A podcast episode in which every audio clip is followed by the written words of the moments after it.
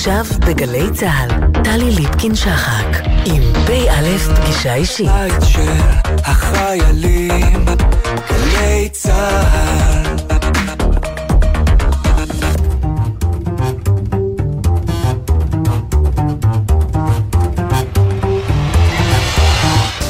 שלום לכם, שבוע טוב לכם. פא' פגישה אישית משולשת בסופו של שבוע מועד קדוש אחד, שטבע בים של חולין, משופע בכרוניקה נטולת כל חגיגיות, מרה ועכורה.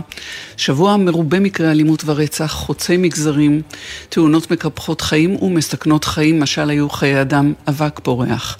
שבוע מרופש, פוליטית, תזזיתי כלכלית, מעורער אקלימית ומאוים ביטחונית, כשכנראה שהיקום כולו נראה כמו נתון בהתקף פסיכוטי. ואז הוכרזו בזה אחר זה שמות זוכות וזוכי פרס נובל לספרות, למדע, לשלום, לוחמים לזכויות אדם וחירותו, לשיפור איכות החיים ולפיצוח סודות הבריאה, רגע של שפיות מרגיעה. פא' פגישה אישית משולשת אחרי יום הכיפורים, 49 בספירת השנים מאז פרוץ המלחמה, ולפני חג הסוכות. כשהאזכרות ל-2,656 נופלים מתקיימות, נדבר עוד במלחמה, בצלקות שהותירה, וגם ניגע בסוכות. פא', פגישה אישית משולשת, מתחילים.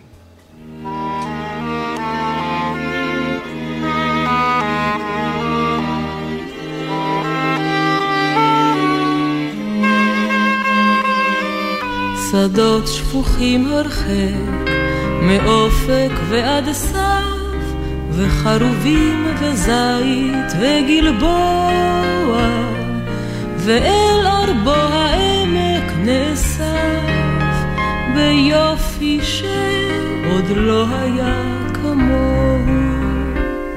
זה לא אותו העמק, זה לא אותו הבית, אתם אינכם ולא תוכלו לשוב, השבילים השדרה אך החיטה צומחת שוב. השבילים השדרה, ובשמיים היית, אך החיטה צומחת שוב. מן העפר המר, העיריות עולות, ועל הדשא ילד וכלבו. מואר החדר ויורדים לילות על מה שבו ומה שבליבו. זה לא אותו העמק, זה לא אותו הבית, אתם אינכם ולא תוכלו לשוב. השבילים השדרה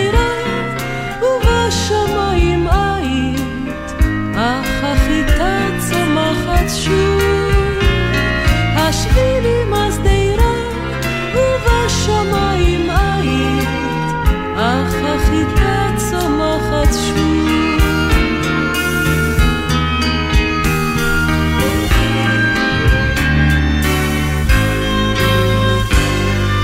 וכל מה שהיה אולי זרח השמש, שוב השמש בא. עוד השירים שרים, אך איך יוגע כל המכאוב וכל האהבה. הן זה אותו העמק, הן זה אותו הבית, אבל אתם הן לא תוכלו לשוב. ואיך קרה, ואיך קרה, ואיך קורה עדיין, שהחיטה צומחת שוב.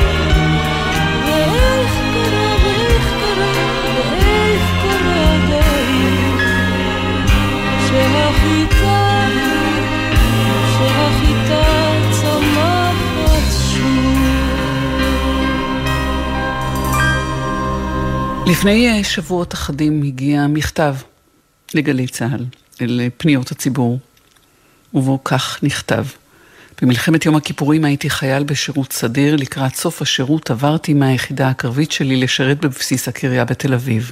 שבוע אחרי פרוץ הקרבות והתגברות הידיעות על שבויים רבים שלנו בסוריה ומצרים, הוחלט על הקלת הסבל לבני משפחותיהם של חיילים נעדרים באמצעות הקרנת סרטים שצילמו כתבים זרים במחנות השבויים. בעקבות פרסום בכלי תקשורת שכר הצבא מרתף באחד הבניינים סביב כיכר מלכי ישראל, ושם הקרין את הסרטים שוב ושוב, מהבוקר עד הלילה, לבני משפחות הנעדרים. אני וחברי ליחידה היינו המקרינים של אותם סרטים. חווינו שם מראות קשים מול המסך. זו הייתה מערכה צדדית בתוך המלחמה, מערכה פסיכולוגית רוויית יצרים ומתחים מול בני משפחה מתוסכלים וחסרי אונים. שלום דורון קינר. ערב טוב. זה אתה שכתבת את המכתב הזה לגלי צה"ל. אמת ויציב. ואליך, אנחנו חוזרים בעקבות המכתב הזה. אליך ואל אבי צור, שלום לאבי צור. שלום רב, ערב טוב. זה אתה, החבר, אתם שניכם, שם במרתף, באחד הבניינים סביב כיכר מלכי ישראל, קולנוע גת, למטה, הבניין ליד. וזהו הבניין אליו הגיעו הורים, בני משפחה, לראות את הסרטים שהקרנתם. אני, אני מכיר את האולם הזה מתערוכות שהיו בו, ושמאוד אהבתי ללכת, קראו לזה אולמי תחביב. נכון. היה, היה פעמים, זה היה פעם בשנה או פעמיים בשנה, זה מין היה פתוח לקהל הרחב. כל מיני ו- ודברים, זה היה כזה מין כמו, כמו יריד המזרח, אבל בקטן. מין אולם תערוכות כזה, ותחביבים במוזיקה, פתאום באנו, זה אולם אה, לא, לא גדול במיוחד. אולם שמכיל כמה עשרות אנשים, סך הכל די פשוט. שיורדות עליו מדרגות. לא היה אפילו שום, לא זכור לי איזשהו שומר בכניסה או שום דבר פשוט. אנשים באו, הלכו, נכון. באמצע, יצאו כל הזמן. אנחנו הקראנו את הסרטים נונסטופ כל הזמן. האולם היה חצי מואפל, זה אני כן זוכר. כן, נכון. מעט מאוד אור, מואפל, המכונה, המסך. 49 שנים, נכון. ואי אפשר לשכוח. אי אפשר לשכוח. זה היה חודש אה, די מטלטל. כל הסיפור לקח חודש אחד, וזה היה חודש די מטלטל שהוא צרוב בזיכרוני לפחות. כשחושבים על זה, אז כאילו שזה היה אתמול, מה אפשר להגיד? מכונה רצה, סרטים הרוב שחור לבן, חלק בצבע, המון אנשים. די קשה לזהות, כי הרבה מהצילומים נעשו מרחוק או של קבוצות שיושבות בשורות. וזהו, ופתאום כמה אנשים באותו זמן אומרים, הנה זה הבן שלי, זה הבן שלי. מנסים לעשות את זה הכי טוב שאפשר. האמת היא שלא ידענו, לא ידענו לאן נחתנו. שבוע בערך אחרי המלחמה, כששבוע בערך המלחמה התחילה, כינס אותנו ראש הענף והודיעו לנו שאנחנו מתגייסים עכשיו לטובת הפרויקט הזה, בייחוד מחלקת הוידאו שאבי ואני שירתנו בו. באנו מכונת הקרנה, 16 מילימטר, מספר גלגלי סרטים שהגיעו ממקורות זרים, הצלב האדום עיתונים זרים. וזהו, משמונה בבוקר עד שמונה בערב התייצבנו לנו שם בשבועיים שנשארו אותו במלחמה ועוד שבועיים אחרי זה, ולהציין כל בוקר משמונה עד שמונה בערב הסרטים. והסרטים לא החזיקו מעמד יותר מדי, הם אה, לאורך הזמן גם נקראו, הגלגלי שיניים, תקופה קצת אחרת. נסו אה, אה, דורון ו- וגם אבי ללכת איתי אל, אל הרגע שבו אתם מקבלים את המשימה הזאת. אתם עוד לא מבינים מה נדרש מכם, שני אנשים ממש צעירים. מה אומרים לכם? שיבואו אנשים שינסו אה, לזהות את בני המשפחה, את הילדים שלהם בעצם. אומרים לכם שהם יבואו לבד, הם יבואו מלווים בקצינות נפגעים, הם יבואו בזמנם אה, על, על סמך פגישה מראש, קביעה מראש, או הם פשוט יגיעו לשם? אמרו לנו שיגיעו, לי אישית לא זכור שאמרו עם מי וכולי, אבל מהר מאוד היה לנו ברור שהיו קצינות נפגעים והיו אה, אנשים נוספים שהיו אמורים, ברגע שמישהו במזל אמר אני מזהה, להפנות אותם כדי שירשמו ויקחו יותר פרטים. אז זהו, בואו בוא נלך להתחלה רגע. ודורון, אתם, אתם מקבלים עליכם משימה כזאת, שאתם עוד לא לגמרי מבינים מה יש בה. כשאתם מקבלים סרטים, את הסרטים הראשונים, ואומרים, מעכשיו אתם שם, במרתף הזה, מקרינים סרטים. אתם רואים את זה מראש? או שאתם רואים את זה בפעם הראשונה יחד עם, עם המשפחות שמגיעות לחפש שם את יקיריהם הנעדרים? לי זכור שאנחנו רואים אותם פעם ראשונה מראש, יחד עם המשפחות. אני מודה שזה לא היה קל לצפייה. גם היו סרטים שלא הוקרנו בטלוויזיה, אתה רואה אותם, ואתה רואה את הסרטים הקשים האלה. ואגב, לאחרונה ככה קצת שוטטתי בקרביים של הסרטים שמוקרנים כן ביוטיוב. אתה רואה קמצוץ מהסרטים האלה של פעם, וזה מחזיר את הזיכרון. בטח לא קל לראות את הסרטים האלה, אחד מיקיריך נהדר או שבוי. מספיק אה, לדבר על כמה זה קשה לכם, אה, אבי, שאתם נדרשים להיות שם, באולם הזה, וזה משמונה בבוקר עד שמונה בערב, כמו שאתם אומרים, הסרטים הולכים בלופ. אה, כשמגיעים סרטים חדשים, מכניסים אותם תוך כדי או מחכים ליום המחר, למשל? איך זה עובד? לא, הסלילים היו, הסליל נגמר, מחליפים ומקרינים את הסרט הבא. טכנית גם הייתה לא. לנו תקווה שנצליח לצלם מהמסך על וידאו, שאז היה גם שחור לבן, אבל באותה תקופה, אני בכוונה מדבר דווקא באמת על הצדדים הטכניים, כי צריך בסופו של דבר לנסות לזהות פנים. כשעצרנו תמונה לבקשתו של מישהו, אז ב-16 מילימטר פתאום האור חזק, לא בהכרח מזהים יותר טוב. אם זה רץ קדימה צריך לה, להריץ את זה אחורה, וכמו שדורון אמר, הגלגלי שיניים, וצריך לתקן את הסרטים. יש את, ה, את הצד הטכני באמת, אה, ההיבט הטכני, ואז כמובן ההיבט של האנשים. ובמקביל אה, מתרוצצות את יודעת, החדשות בטלוויזיה. שזה אולי לא היה כמו היום, אבל כל דבר לזמן שלו נראה חזק, אבל בעיקר זה האנשים שבאו, זה, זה זכור, המון אנשים. כמה אנשים בפעם אחת יושבים שם במרתף בכל רגע נתון? או בשיא, בשעות השיא?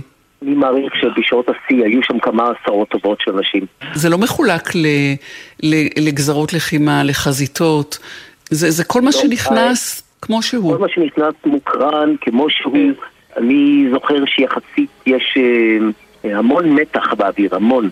המון מין אה, שקט עצור שמדי פעם מופרע באיזה צעקה של הנה הבן שלי, או בכי, המון בכי. אני כבר לא מדבר על כך שהיו התעלפויות, היה צוות רפואי מבוקר עד לילה שהיה שם. כן. שהם התעלפו. גם כן היה כזה לא מרנין במיוחד.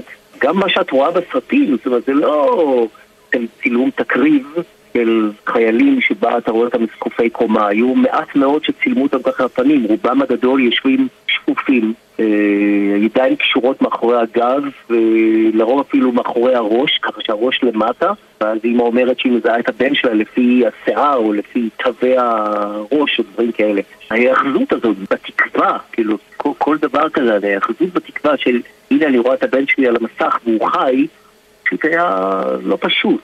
בלשון המטח, לראות את זה, לחוות את זה. אבי פונה אליך כן, אישה ואומרת, זה הבן שלי שם, ואתה צריך עכשיו לעצור. ולעשות אה, איזשהו, איזשהו מהלך שהיא תראה ותביט, ו, ומישהי תגיד לא, אבל בעצם זה הבן שלי. כן, גם כאלה זה, דברים היו. זה גם קרה, נכון, נכון.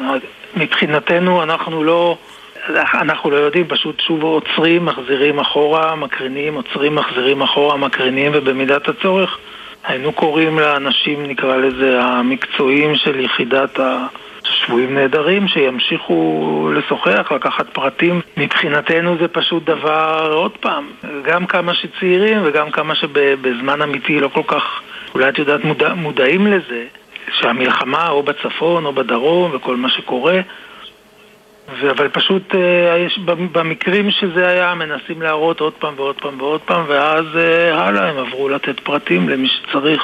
לאחר מכן לא ידענו, את יודעת, זה רק התקווה ש, שבאמת אנשים אה, מצאו וקיבלו מידע, ואז ממשיכים הלאה בטיפול, מה שמטפלים בשבויים וכולי. כלומר, אתם למעשה אף פעם לא יודעים אם הפכתם חיים. ותקווה באנשים שראו שם את, את, את יקיריהם הנעדרים שהם אה, חושבים שהם רואים אותם שבויים, או שהם אה, רק רוצים לראות אותם, ולא שמרתם נכון. על קשר עם אף אחד מהאנשים שראו איתכם אה, את הסרטים. לא, אנחנו לא ממש לא.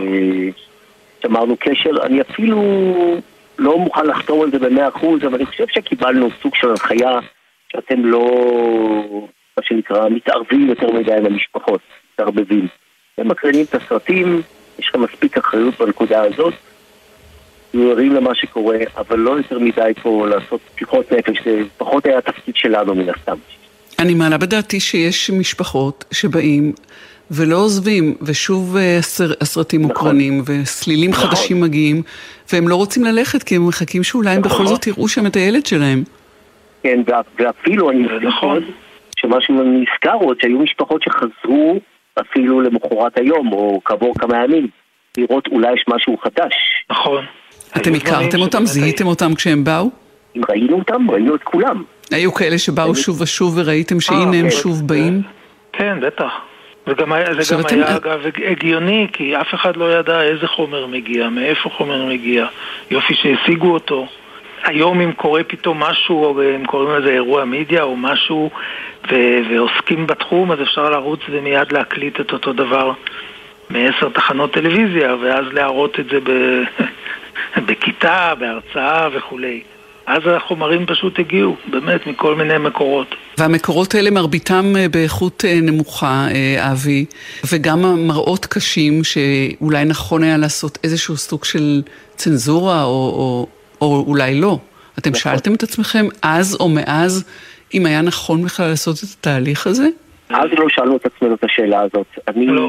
היום, היום במבט לאחור, אני חושב שדבר כזה לא היה עובר, עובר מסך תרתי משמע, מה שראינו. באיזה? באיזה מובן? שלמרות דווקא שהיום אנחנו כל כך חשופים, דווקא היום יותר, המראות האלה הקשים, מה שרואים שם בסרטים, זה מראות קשים מאוד. זה מראות לא פשוטים. ודבר כזה להראות להורים שנמצאים בסוג של תסכול וחוסר אונים ומצוקה נפשית מאוד גדולה, להראות להם את זה, ובטח לא קבל עם ועדה. אם כבר, את יודעת, הייתי מזמין כל משפחה, הייתה צפייה פרטי, באווירה יותר מחבקת. אי אפשר היה. עוד פעם, זה לא אבי לא מסכים איתך. לא, זה לא, לא, טכנית, אני חוזר לצד הטכני, אי אפשר היה לעשות נגיד, סתם אני אומר, עשרה עותקים או עשרים עותקים מכל גלגל, נכון. ועשר. מכונות וכולי. אה, לי המראות זה יותר באמת של השבויים יושבים בשורות וכולי, זה לכן אה, כל העניין של צנזורה. קודם כל, אישית, אה, או גם עם דורון, אף פעם לא דיברנו או לא חשבנו על זה, אבל גם לא זכורים לי מראות, את יודעת שחס וחלילה עומד מישהו מהצד השני ומאיים עליהם עם רובה או יורה או כל מיני דברים. יכול להיות שאם זה היה קורה, זה היה כבר נערך בתחנות טלוויזיה שמהן החומרים הגיעו. כן, היו כבר אז כן. אה, מוציאים את זה. אז כן. אירוע הרבה פחות מאשר היום. אז הראו גם במהדורות החדשות, אבי, ואתה נכון. בערב היית צופה במהדורות, אה, גם מנסה להתעדכן, ועושה את המעביר בראש את הסרטים שאתה תראה, תראה מחר, אה, שהם הם אחרים מאלה שהראו על המסכים לציבור. נכון. הטלוויזיה בערב, השחור לבן, ערוץ אחד, זה היה בעצם בשבילנו, או בשבילי אני יכול להגיד הרבה פחות ממה שהיה כל היום שם במקום שהקראנו את הסרטים. כי אז באו באמת האנשים שחיפשו את, ה, את, ה, את הילדים שלהם. זה היה ממש שונה, אני לא יודע, אצלי ממש מפריד את זה. אחר כך חזרו השבויים, עקבתם וניסיתם לזהות בין הפנים כאלה שראיתם בסרטים שהקרנתם למשפחות? אני אישית לא, לא. באיזשהו מקום אני, אני, אני רציתי למחוק את זה ממני. כאילו סגרתי את זה בתוך איזושהי תיבה, זכרתי את זה, אבל לא רציתי להתעסק עם זה. זה היה מין כזה פרק כזה שרציתי לסגור. לא, זה לא כזה עניין אותי. שמחתי בחזרת השבויים, שמחתי במרכאות שהייתי בצומת הזאת, שאפשר היה לעשות משהו מועיל, לדעתי מועיל מאוד אז. היום אולי אני מסתכל על זה אחרת, אבל לא, לא, לא התעסקתי בזה מי חזר ומי לא. האמת היא, פתאום אני נזכר, אני מודה, פתאום אני נזכר שאיפשהו, מספר שנים אחרי המלחמה, הייתה משפחה אחת שכן הכרתי, שהבן שלה היה שבוי, פתאום נזכר, והם הודיעו לי בשמחה, בטלפון Mm. שהבן שלהם חזר הביתה. זה אני נזכר, לפתע עכשיו פתאום עולה לי על זה. אבל מעבר לזה, לא. למה כן, גם רצית לסגור את, ה, את התיבה הזאת, דורון? לא יודע, אולי זה הטבע שלי, לא, לא, לא, לא, לא התעסקתי עם הדבר הזה, לא רציתי להתעסק עם הדבר הזה, זה היה, זה היה מתיש. אני זוכר, אה, באמת, חזרתי הביתה, אני חושב שגם אבי, חזרנו מותשים הביתה בערב של אותו יום, בעל כורחנו, זאת אומרת, מי, אנחנו? אנחנו קטונו, סך הכל אה, בעורף הלחימה, אנחנו לא יכולים לצייץ אפילו. הרגשנו שעשינו משהו נכון, משהו חשוב, נפשית היינו די גמורים, וכשזה נגמר, אני חושב שהייתה לנו הקלה מאוד גדולה. אחרי שבועיים, הסתיימה המלחמה, מספר המשפחות התגדל, ואז באמת הגיעו למסקנה שדי, מספיק עם ההקרנות הפומביות האלה, חזרנו לשגרה היומיומית שלנו בצבא, ואני חושב שהייתה לנו הקלה גדולה מאוד, מאוד גדולה. מבחינתי, יכול להיות שאם באותה תקופה, אולי אמרו את זה לראשי הענפים, אבל אם ענף נעדרים היה בקשר עם הענף שלנו, והיו מודיעים שאיקס אנשים באמת זיהו, זה היה יותר מקרב אותנו, או לפגוש את האנשים, או לפחות לדעת סטטיסטית בכמה זה הצליח, אבל אנחנו גם לא שמענו בעצם שום דבר. מהמפקדים שלנו, מהענף, מהאגף, אז באמת ממשיכים הלאה. אני חושב שאם היו מיידעים יכול להיות שבאמת ידעו את הצד, אם היו עושים איזושהי אה, רשימה, ואולי כן היינו פוגשים. אבל אני חושב שגם כל משפחה הייתה עסוקה, לקח זמן, זמן גם אחרי שידעו שהם, שהשבויים בחיים, לקח זמן עד שחזרו הביתה. בואו לא נשכח את זה, זה לא שהקרינו סרטים שבועיים, שבועיים עוד אחרי, לאחר המלחמה, ואז כולם חזרו. זה גם היה תהליך שלקח זמן. מישהו שאל לשלומכם כל השבועות האלה? שני המקרינים הצעירים? שאלה מצוינת. לא זכור לי. אבי, זכור לך? לא.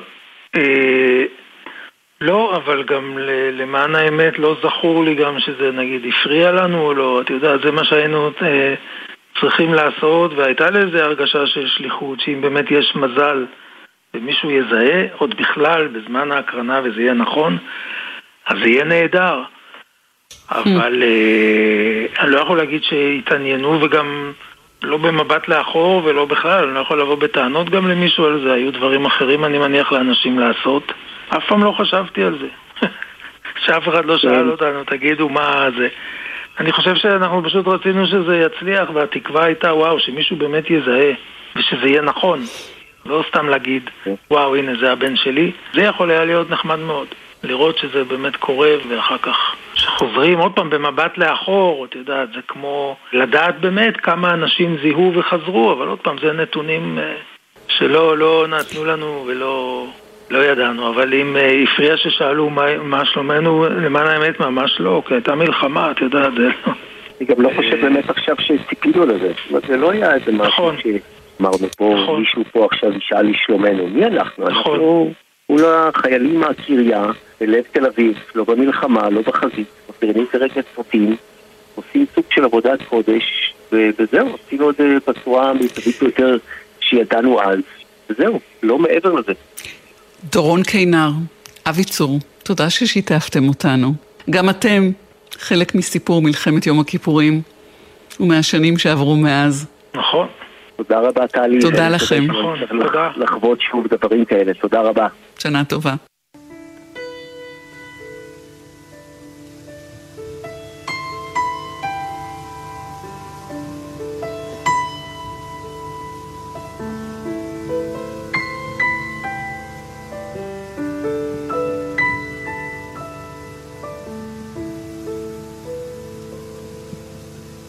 כשאמות משהו ממני, משהו ממני ימות בך, ימות בך. אם תמות, משהו ממך בי, משהו ממך בי, ימות איתך, ימות כולנו, כן כולנו,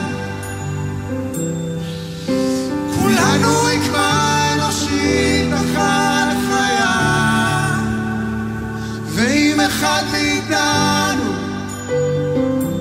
הולך מעימנו, משהו מת בנו, משהו נשאר איתו אם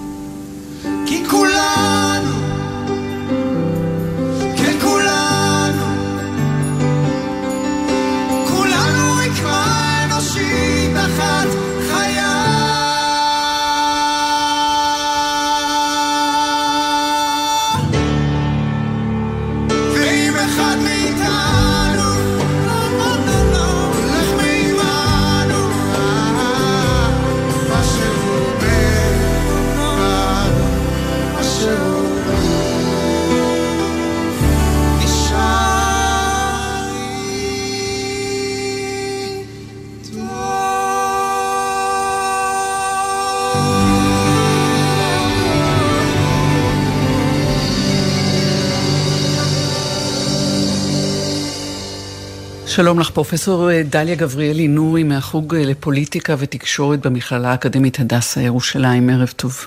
ערב טוב, טלי. אנחנו מדברים ומדברות במלחמת יום הכיפורים, ולא בקרבות, אלא הייתי קוראת לזה קרבות ההישרדות של מי שחיו את המלחמה הזאת, או מי שממשיכים אה, לחיות אותה ואת המכאובים שהיא הותירה בנו. הקורא את מאוספי העיתונים שהוקדשו ליום השנה ה-39 למלחמת יום הכיפורים, עלול לקבל את הרושם שהמלחמה היא התנהלה בערך בין חמישה אנשים. גולדה ודיין, דדו, זעירה וצבי זמיר. הוא עלול לקבל את הרושם שהמלחמה היא התנהלה בחווה הסינית בעמק הבכה ובמעוזים. את הדברים האלה כתבת את.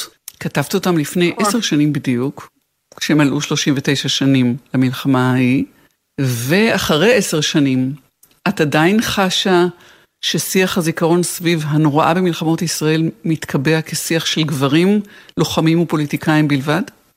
לפני שנדבר על המקום שהיום המלחמה תופסת בזיכרון הישראלי, בואי רגע נדבר על מה הייתה המלחמה הזאת בשביל נשים, או איפה היו הנשים בכלל במלחמת יום הכיפורים.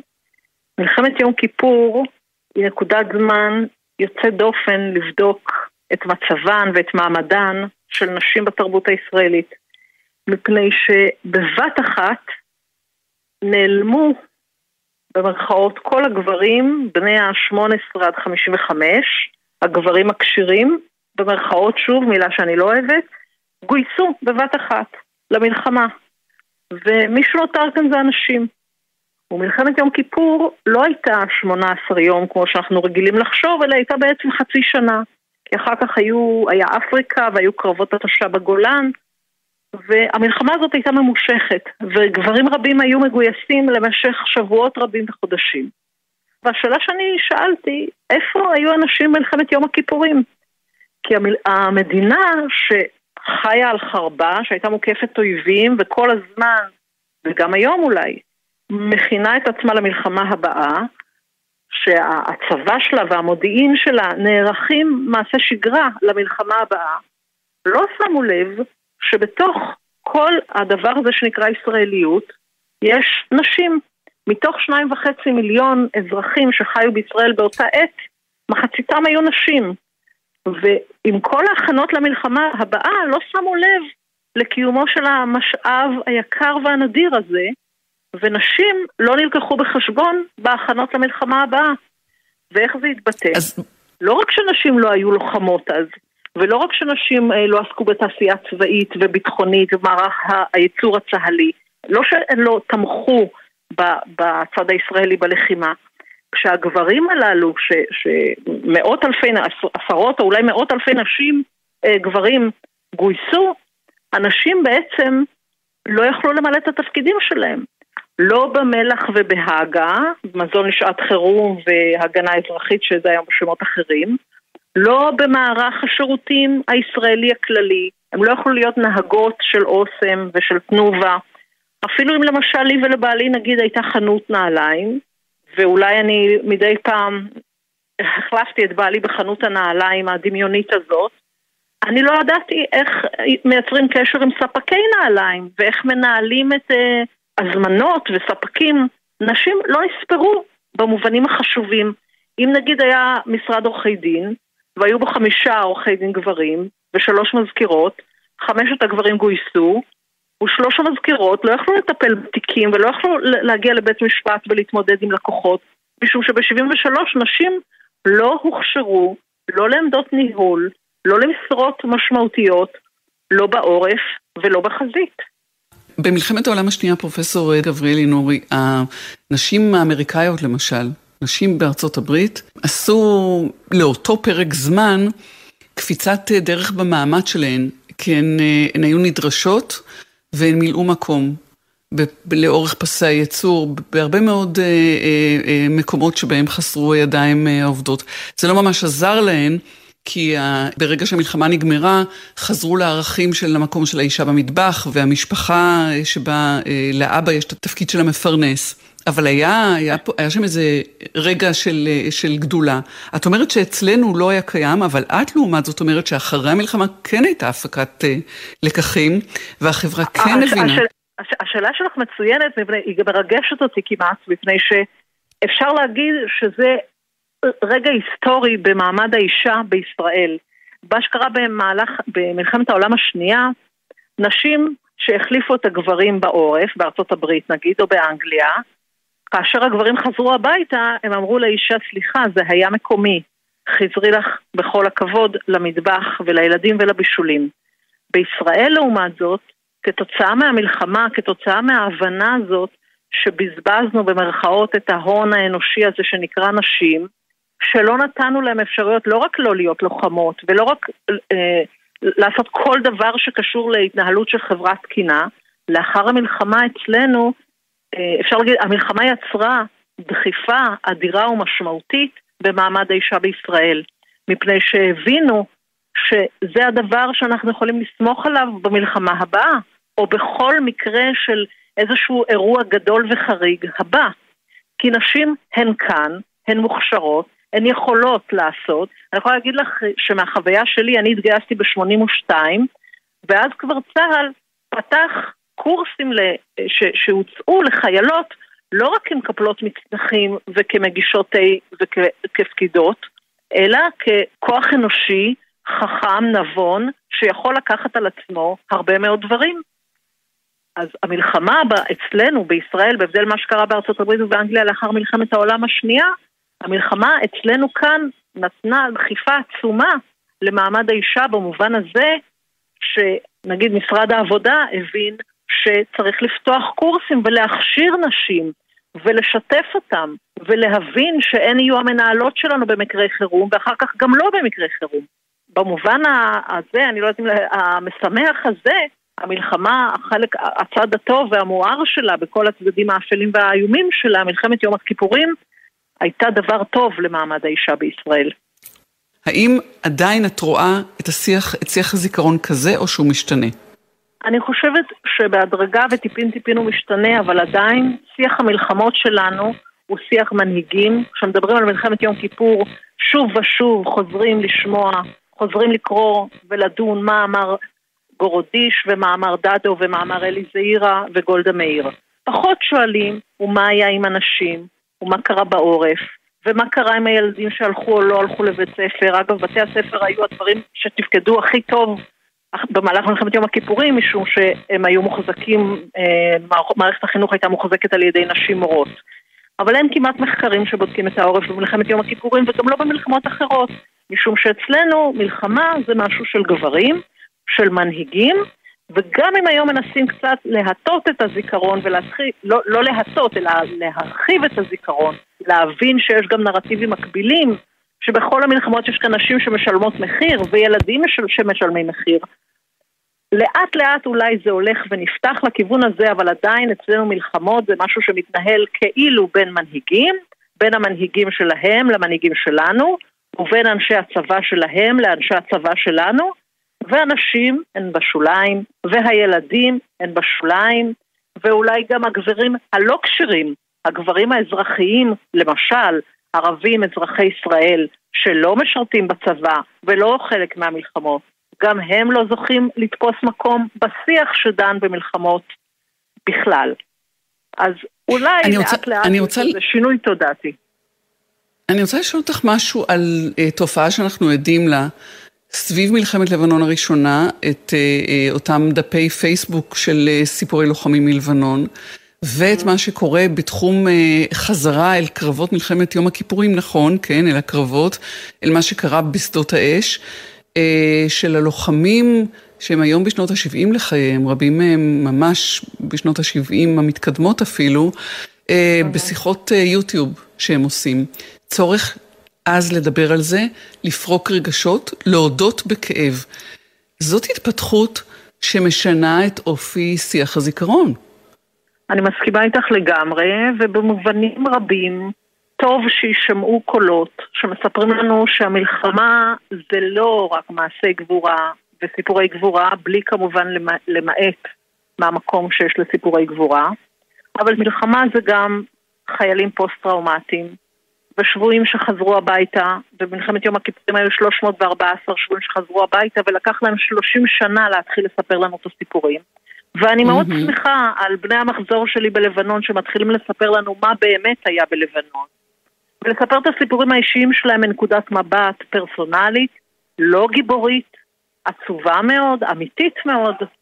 אז uh, אני חושבת שמלחמה זה ריבוי נרטיבים, ולצד הנרטיבים של גבורה ואומץ, שאותם אנחנו מכירים מאז 48' והם תפסו מקום לכל, לכל אורך היסטוריית המלחמות וסיפור המלחמות שלנו, לאט לאט אני מתחילה להרגיש, וגם את מתחילה להרגיש, וזה מה ששאלת נכון ורלוונטי מאוד, יש גם סיפורים אחרים, וביוטיוב אפשר לספר סיפורים אחרים, וברשתות החברתיות בני המחזור שלי מספרים את הסיפורים שלהם ממלחמת לבנון הראשונה, והם כאמור לא רק אה, סיפורי גבורה ושמחה ועליצות, אלא גם סיפורים קשים וכואבים שמלווים את האנשים גם בהיותם בני 70.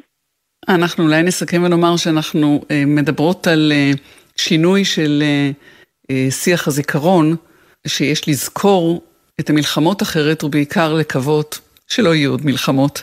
פרופסור דליה גבריאלי נורי, מהחוג לפוליטיקה ותקשורת במכללה האקדמית הדסה ירושלים, תודה שדיברת איתנו. שלום לך. שלום שלום טלי, ערב טוב.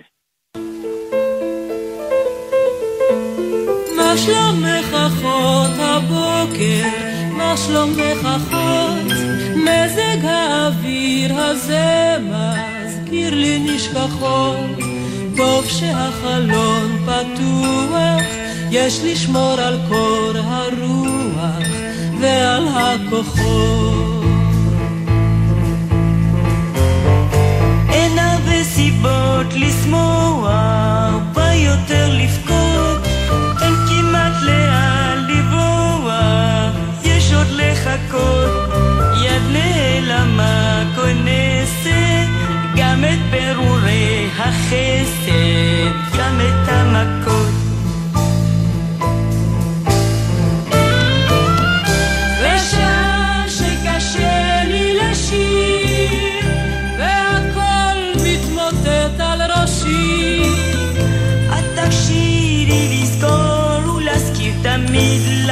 יש אותי, לי יש אותך, לנו יש אותנו,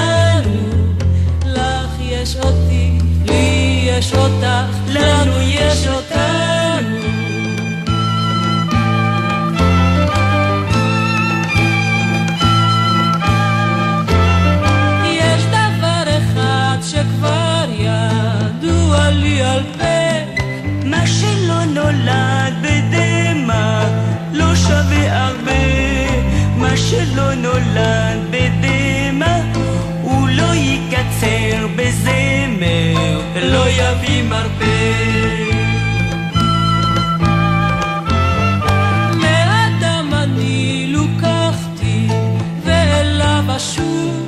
וסביבי המיית הבית, ולבבי קשור. וסביבי המיית הבית מרגיע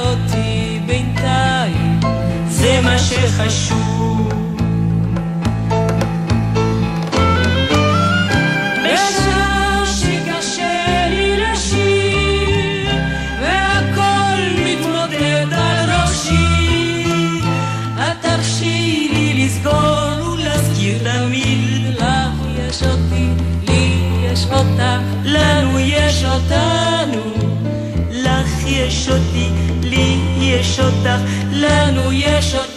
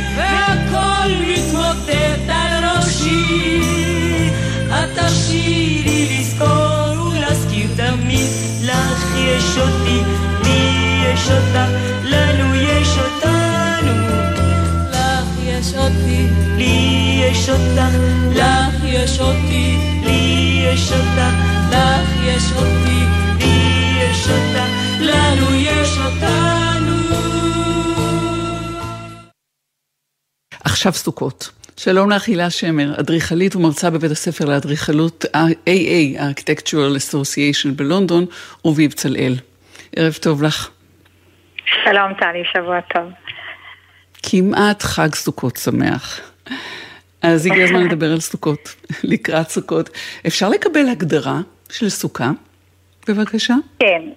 אה, אז אה, טוב, אני חושבת שלמסורת הזאת של בניית סוכות, אה, קודם כל בתור אדריכלית ישנה השפעה אדירה על האדריכלות המקומית, ומה שעושה בעצם את העניין שעליו אנחנו מדברות הערב, לייחודי כל כך, הוא בעצם שאורך החג, שבעה ימים, מכתיב לעיתים דרישות תכנוניות עבור 358 שמונה ימות השנה האחרים. אז תכף נדבר על כל זה, אבל לפני זה תני לי הגדרה אדריכלית, פשוט הגדרה של המונח סוכה. אומרים סוכה למה מתכוונים? אוקיי, אז הלכות סוכה או מסכת סוכה למעשה ספרון הדרכה לתכנון. ואני לא מכירה שום מבנה שמקבל התייחסות כזאת, בטח גם לא בתפוצה כזו, כאשר לא רק זו מתנת חלקם של אדריכליות ואדריכלים, אלא של עם שלם. ומפורטות בהם נגיד כמה שמיים נראה, כמה דפנות יחצצו בין הפנים לחוץ, אלה חומרים יכולים להרכיב סוכה, אני חושבת שאחד הדברים הכי מעניינים אנחנו מסתכלים על אה, מסכות הסוכה, אה, זה שכמו הרבה מהחגים היהודים האחרים, יש כאן עניין אקולוגי, גם שמעיד על עונת השנה וגם על מצב הצומח, זאת אומרת הסכך חייב להיות גזום וחי, הוא לא יכול לגעת, אה, לבוא במגע לדוגמה עם המתכת של מסגרת הסוכה, אה, נקבע גם מה יהיה שטחה המינימלי וגם המקסימלי, איזה יפה זה שנדרשת צניעות מסוימת מהנוכחות של הסוכה mm. שלנו, אם את רוצה מידה, אז לדוגמה היא לא יכולה לעבור את ה-20 מטר, את ה-10 מטר, סליחה, בגובה, אבל למעשה אלה 20 אמה. שזה גם דבר נורא מיוחד, שרוב המסכת בעצם מתייחסת לגוף האדם. אה, בניגוד נגיד למטר שהוא שרירותי, רוב אה, המידות הן נגזרת של הגוף שלנו, וזה לא מאוד שונה. מהארכיטקטורה, אם נסתכל ככה על החלון, אז נבין שהוא לא נמוך מדי כך שלא ניפול החוצה, וגם לא גבוה מדי mm-hmm. שנוכל להביט החוצה כשאנחנו יושבות על כיסא, נכון? אז מצד שני, דבר... הסוכה צריכה להכיל אה, אה, בני אה, אה, נושאי אמות יד ארוכות וקצרות. נכון, באושפיזין. נכון. אז עושים ממוצע? אה, נכון, עושים ממוצע, גם ככה זה בארכיטקטורה, בגלל זה גם אמרתי גובה אה, של אדם, כי בדרך כלל זה נגזרת של גבר אה, לצערנו, אה, ככה, ככה התחילו במודרניזם אה, לחשב הכל סביבנו וככה נמשך, אה, ואפילו לא רק גוף האדם, אלא יש גם איזה, איזה ככה פרט פיקנטי כזה, שאפילו אם עז או כבש יוכלו להיכנס מהדופן, הדופן אינה כשרה. זאת אומרת, אה, היא צריכה להיות גם בגובה מסוים שחיה בסדר גודל מסוים, אה, לא תוכל להיכנס אליה. אה, שאני חושבת ששוב, זה מביט החוצה גם לאדם אבל גם לחי ולצומח שמסביבנו ולעונות השנה, לדוגמה אם יורד גשם בערב סוכות הראשון, אה, זה בדרך כלל מצביע על יחסים מעורערים בינינו לבין האלוהות אה, אה, במסורת. למרות שאנחנו מאוד מחכים לגשם, אבל את אומרת לא נכון, בערב הראשון. בדיוק, יש לנו יחס אה, אמביוול... אמביוולנטי אה, לגשם ביהדות ובכלל, אם נסתכל אפילו היום על התובנה הזו מתוך היהדות, נבין שכשאנחנו רואים שמים נסחרים בבורסה בארצות הברית, דבר שהתחיל אה, לא מזמן, אנחנו מבינים שנגמרים לנו המים, אבל בו זמנית אנחנו גם מוצפים כי מפלס המים עולה, אז אנחנו גם טובעים וגם נגמרים לנו המים בו זמנית, דבר שמשתקף גם במסורת היהודית, אז זה גם בעצם מאוד מאוד אקטואלי, היחס האמביוולנטי שלנו אה, לאופן שבו אנחנו רואים מים. זה מעניין, הילה שמר, שכששאלתי אותך אה, להגדרה המקצועית, הבסיסית, מהי סוכה, נתת לי תשובה שהיא כבר מתוך מסכת סוכה. זאת אומרת, זה משהו מאוד ייחודי. אה, למעשה אין מילה באנגלית או לועזית לסוכה. זה, נכון. זה קנופי, זה, זה יהיה גזיבו, זה יהיה כל מיני דברים שהם לא באמת סוכה. פביליאן. נכון? נכון, נכון. אה, נכון, מנסים הרבה פעמים, אה, כן, להקביל את זה למבנים ארעיים אחרים בעולם.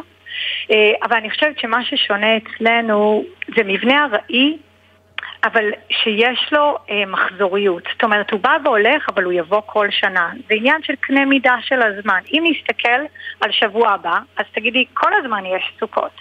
אם נסתכל בחודש הבא, אז תגידי שבוע מתוך חודש יש סוכה. נסתכל בזום אאוט יותר גדול, נבין שהסוכה חוזרת על עצמה שבוע בשנה. בניגוד לביתנים שמופיעים בעולם, אם ניקח, לא יודעת, המפורסם ביניהם אה, הוא הביתן הסרפנטיין על אה, גני קנדינגטון שקם כל שנה בלונדון בידי האדריכלים אולי החשובים בעולם. אה, בכל שנה הם מוזמנים, עושים את היצירה שלהם, והופ, אחרי שלושה חודשים היצירה הזו נעלמת והיא לא חוזרת על עצמה. זאת אומרת, שכן כן mm-hmm. יש איזה עניין שאפשר לסמוך עליו שהוא יחזור, אבל הוא גם יהפוך ללא כשר אם הסוכה תישאר את מלוא השנה. זאת אומרת, היא חייבת לבוא ולהיעלם, שזה גם אה, דבר נורא עקרוני באמונה, לא שאנחנו מאמינים בטוב שיבוא בעתיד, הוא יחזור, כאילו נעלים אותו אבל הוא יבוא שוב. אה, אז את צודקת, זה בהחלט אה, דבר ייחודי. ואת, ואנחנו מדברות גם על, אה, והזכרת את זה בהתחלה, ככה לא נתתי לך לפתח, כי אמרתי קודם בואי רגע נגדיר, את ה, במקומות שבהם מקפידים קלה כחמורה, יש צרכים שנוגעים למבנה כולו, שבתוך המרחב שלו גם הסוכה, כדי לשמור על, ה, על הכללים שלה, של המסכת. נכון, אז פה, אז אנחנו תלמידות חכמות וקראנו את המסכת, אבל פה מתחילות הבעיות. כי בעצם בבנייה קיימת בישראל לא בהכרח הייתה מותאמת תמיד אה, למסורת הזאת. ומה שאנחנו רואים בערך בעשור וחצי האחרונים, אה, נגיד אם, אם אה, נפקוד את אה, שכונות החרדיות בירושלים בימים האלה, נזהה כמו מרפסות שנפרסות החוצה, הן מורידות מעין קביים אל הקרקע, מושיטות כף יד פתוחה, כמו לאחוז אה, בסוכה, כך שתהיה צמודה לדירת המגורים, היא תוכל לקיים את כל מצוות הפאות ותהיה חשופה לשמיים כי בעצם אין מעליה מרפסת נוספת, היא ארעית לגמרי. אמ, וככה הם בעצם מפצחים את, זה שאין מרפסת בכלל. במקרים שישנה מרפסת, זה בכלל הבניין הופך אה, למעין רובוטריק. אה, אה, יש מה שנקרא מרפסות נשלפות, שזה מעין ויזים כאלה, קורות מתכת שיוצאות מתוך רצפת המרפסת הקיימת ומתארכות כך שתהיה חשופה לשמיים במידה וכן יש מרפסת מעליה. בבנייה חדשה הדבר עוד יותר מרתק, אבל בעיניי טלי, אה, בשכונות כן. שנבנו ויועדו לאוכלוסיות חרדיות, אה, נראה את זה קצת בחריש, בבית שמש, אנחנו רואות שההלכות האלה הולידו צורך אדריכלי בבית המגורים. אז באמת הבולט בהם היא שאם המרפסת אה, צריכה להיות חשופה לשמיים, היא לא יכולה לחפוף את המרפסת שמעליה או מתחתיה. ואז מה שקורה, הדבר הזה מתרגם באדריכלות המקומית לאיזה ניטור מוזר של המרפסות שהן מרצדות ככה על החזית בחוסר אחידות. אמ, ו, אה, או להתחשב נגיד בכיווני אוויר איכותיים, נכון? תמיד נרצה שבשאר 358 הימים האחרים היא תפנה לכיוון אנחנו רוצים ארבעה כיווני אוויר. אז זה כן, כל דירה ישראלית צריכה לפנות לפחות לארבעה וחצי כיווני אוויר. כן. אמ, אבל המגמות הרוחניות האלה, נקרא להן, הן מתווספות גם להרבה הכתבות אחרות שגם ככה יש על התכנון המקומי. חלקם נובעים מהיבטים ביטחוניים, נכון? כמו הממ"דים, שיש להם בכלל צביון mm-hmm. אחר על החזיתות.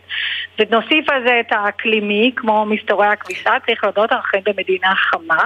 ובסוף אנחנו מקבלים רשימת אילוצים שהבניינים שלנו נורא קשה להזדהות איתם, שזה הדבר שאנחנו הכי רוצים להזדהות יותר מכל, הבית הפרטי שלנו. ובסוף אנחנו יורדות למחשבה שחזיתות הבית הפרטי הן סך הכל נגזרת של הבית הלאומי, של חוסר היציבות הביטחונית, על האקלים החם וגם על הערכים הרוחניים שלנו. אני חושבת שזה גם מה שמעניין בעניין הזה ש, שהתקבענו לתוך המרפסת הפרטית ואנחנו פחות ופחות רואים את, ה, את, המרפס, את הסוכות נבנות אה, במרחבים הציבורית. המשותפים. אה, ולכן, בדיוק, ולכן גם, גם הסוכות נהיות, נהיות פרטיות. הממ"ד אגב במובן הזה זה היפוכו, היפוכה של הסוכה, זאת אומרת אפשר להגדיר סוכה על ידי שמגדירים ממ"ד ואומרים להפך. נכון, אה, נכון, אז אחד הדברים באמת המעניינים, אה, ותראי, אנחנו יודעים שאם אנחנו מסתכלים על דירה, חלק, חלק מהאנשים יחפשו ממ"ד, אבל אנחנו מוצאים מודעות לדירות שחלק מהמפרט הוא אפילו מרפסת סוכה כמשהו בעל ערך נדל"ני גבוה. כשאנחנו חושבים על זה במושגים היסטוריים, אנחנו מבינות שהמרפסות מאז ומתמיד הייתה סמל סטטוס, הרי מלכים עמדו שם ונאמו לעם ועד בתי מגורים של מבנה האצולה, אבל מה שמייחד את המרפסת, בניגוד באמת לממ"ד שאת מציינת, זה שהיא אולי הביטוי העוצמתי ביותר לדרך לייצוג העצמי בתוך המרחב אל מול הכלל, במרחב הציבורי, כי זה המקום שבו אנחנו מעמידים את עצמנו מול הציבורי, נקרא לזה, יודעת, נותנים ביטוי להרצל שיש בכל אחד מאיתנו. אה, האדריכלים אוהבים כן. להגדיר את זה כמרחב לימינלי, נקרא לזה בין הפתוח לסגור, או הפרטי לציבורי, החוץ לפנים. אה, וכך קורה גם בסוכות, אנחנו, בעצם החזיתות של הבניינים שלנו מקבלות ככה איזה ביטוי אה, של המסורות, של הנוודות, של התלישות הזאת, של היהודי הנודד שאנחנו כל כך אוהבים להאחז בו בספרות, אז גם בארכיטקטורה. פשוט אה, נהדר, כן. ועושה חשק להגיע כבר לסוכות. הילה שמר, אדריכלית, מרצה בבית הספר לאדריכלות AA בלונדון, גם בבצלאל, או בעיקר בבצלאל. אנחנו עוד נחזור אלייך, היה תענוג לדבר איתך. תודה, חג שמח. שבוע טוב וחג שמח. תודה, טלי, חג שמח. שלום לך.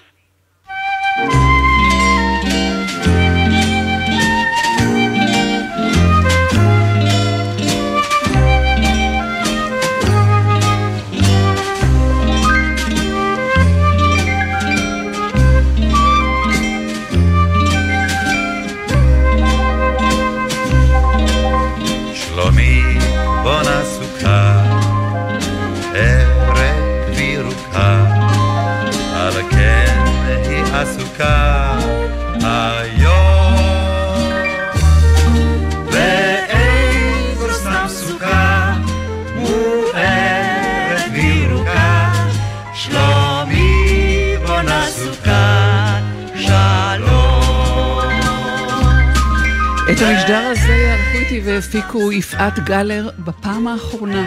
שלום לך יפעת. תודה לך, היי שלום. עומר נותקביץ' ומאיה יהלום. פרח בר גולדפרב הייתה באולפן, גיא קפלן הייתה טכנית השידור, אביתר ברון בדיגיטל ואילן גביש בפיקוח הטכני. אני טלי ליפקין שחק. שבוע טוב וחג שמח. חיו שלום כולכם. ענף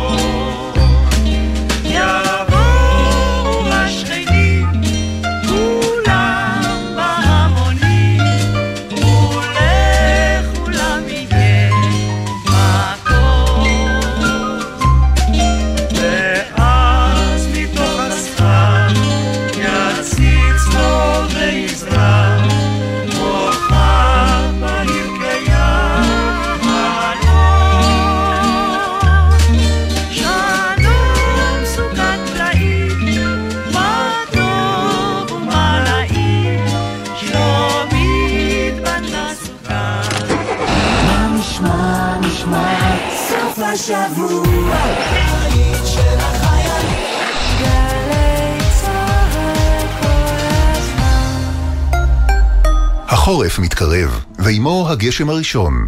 בגשם ראשון, הכביש חלק, בעיקר בגלל לכלוך ושמנים המצטברים עליו. כדי להימנע מהחלקה, סעו לאט יותר, והימנעו מבלימת חירום ומסטייה חדה מנתיב הנסיעה. הם עלולים לגרום לאיבוד שליטה על הרכב. הרלב"ד, מחויבים לאנשים שבדרך. אתם מאזינים לגלי צה"ל.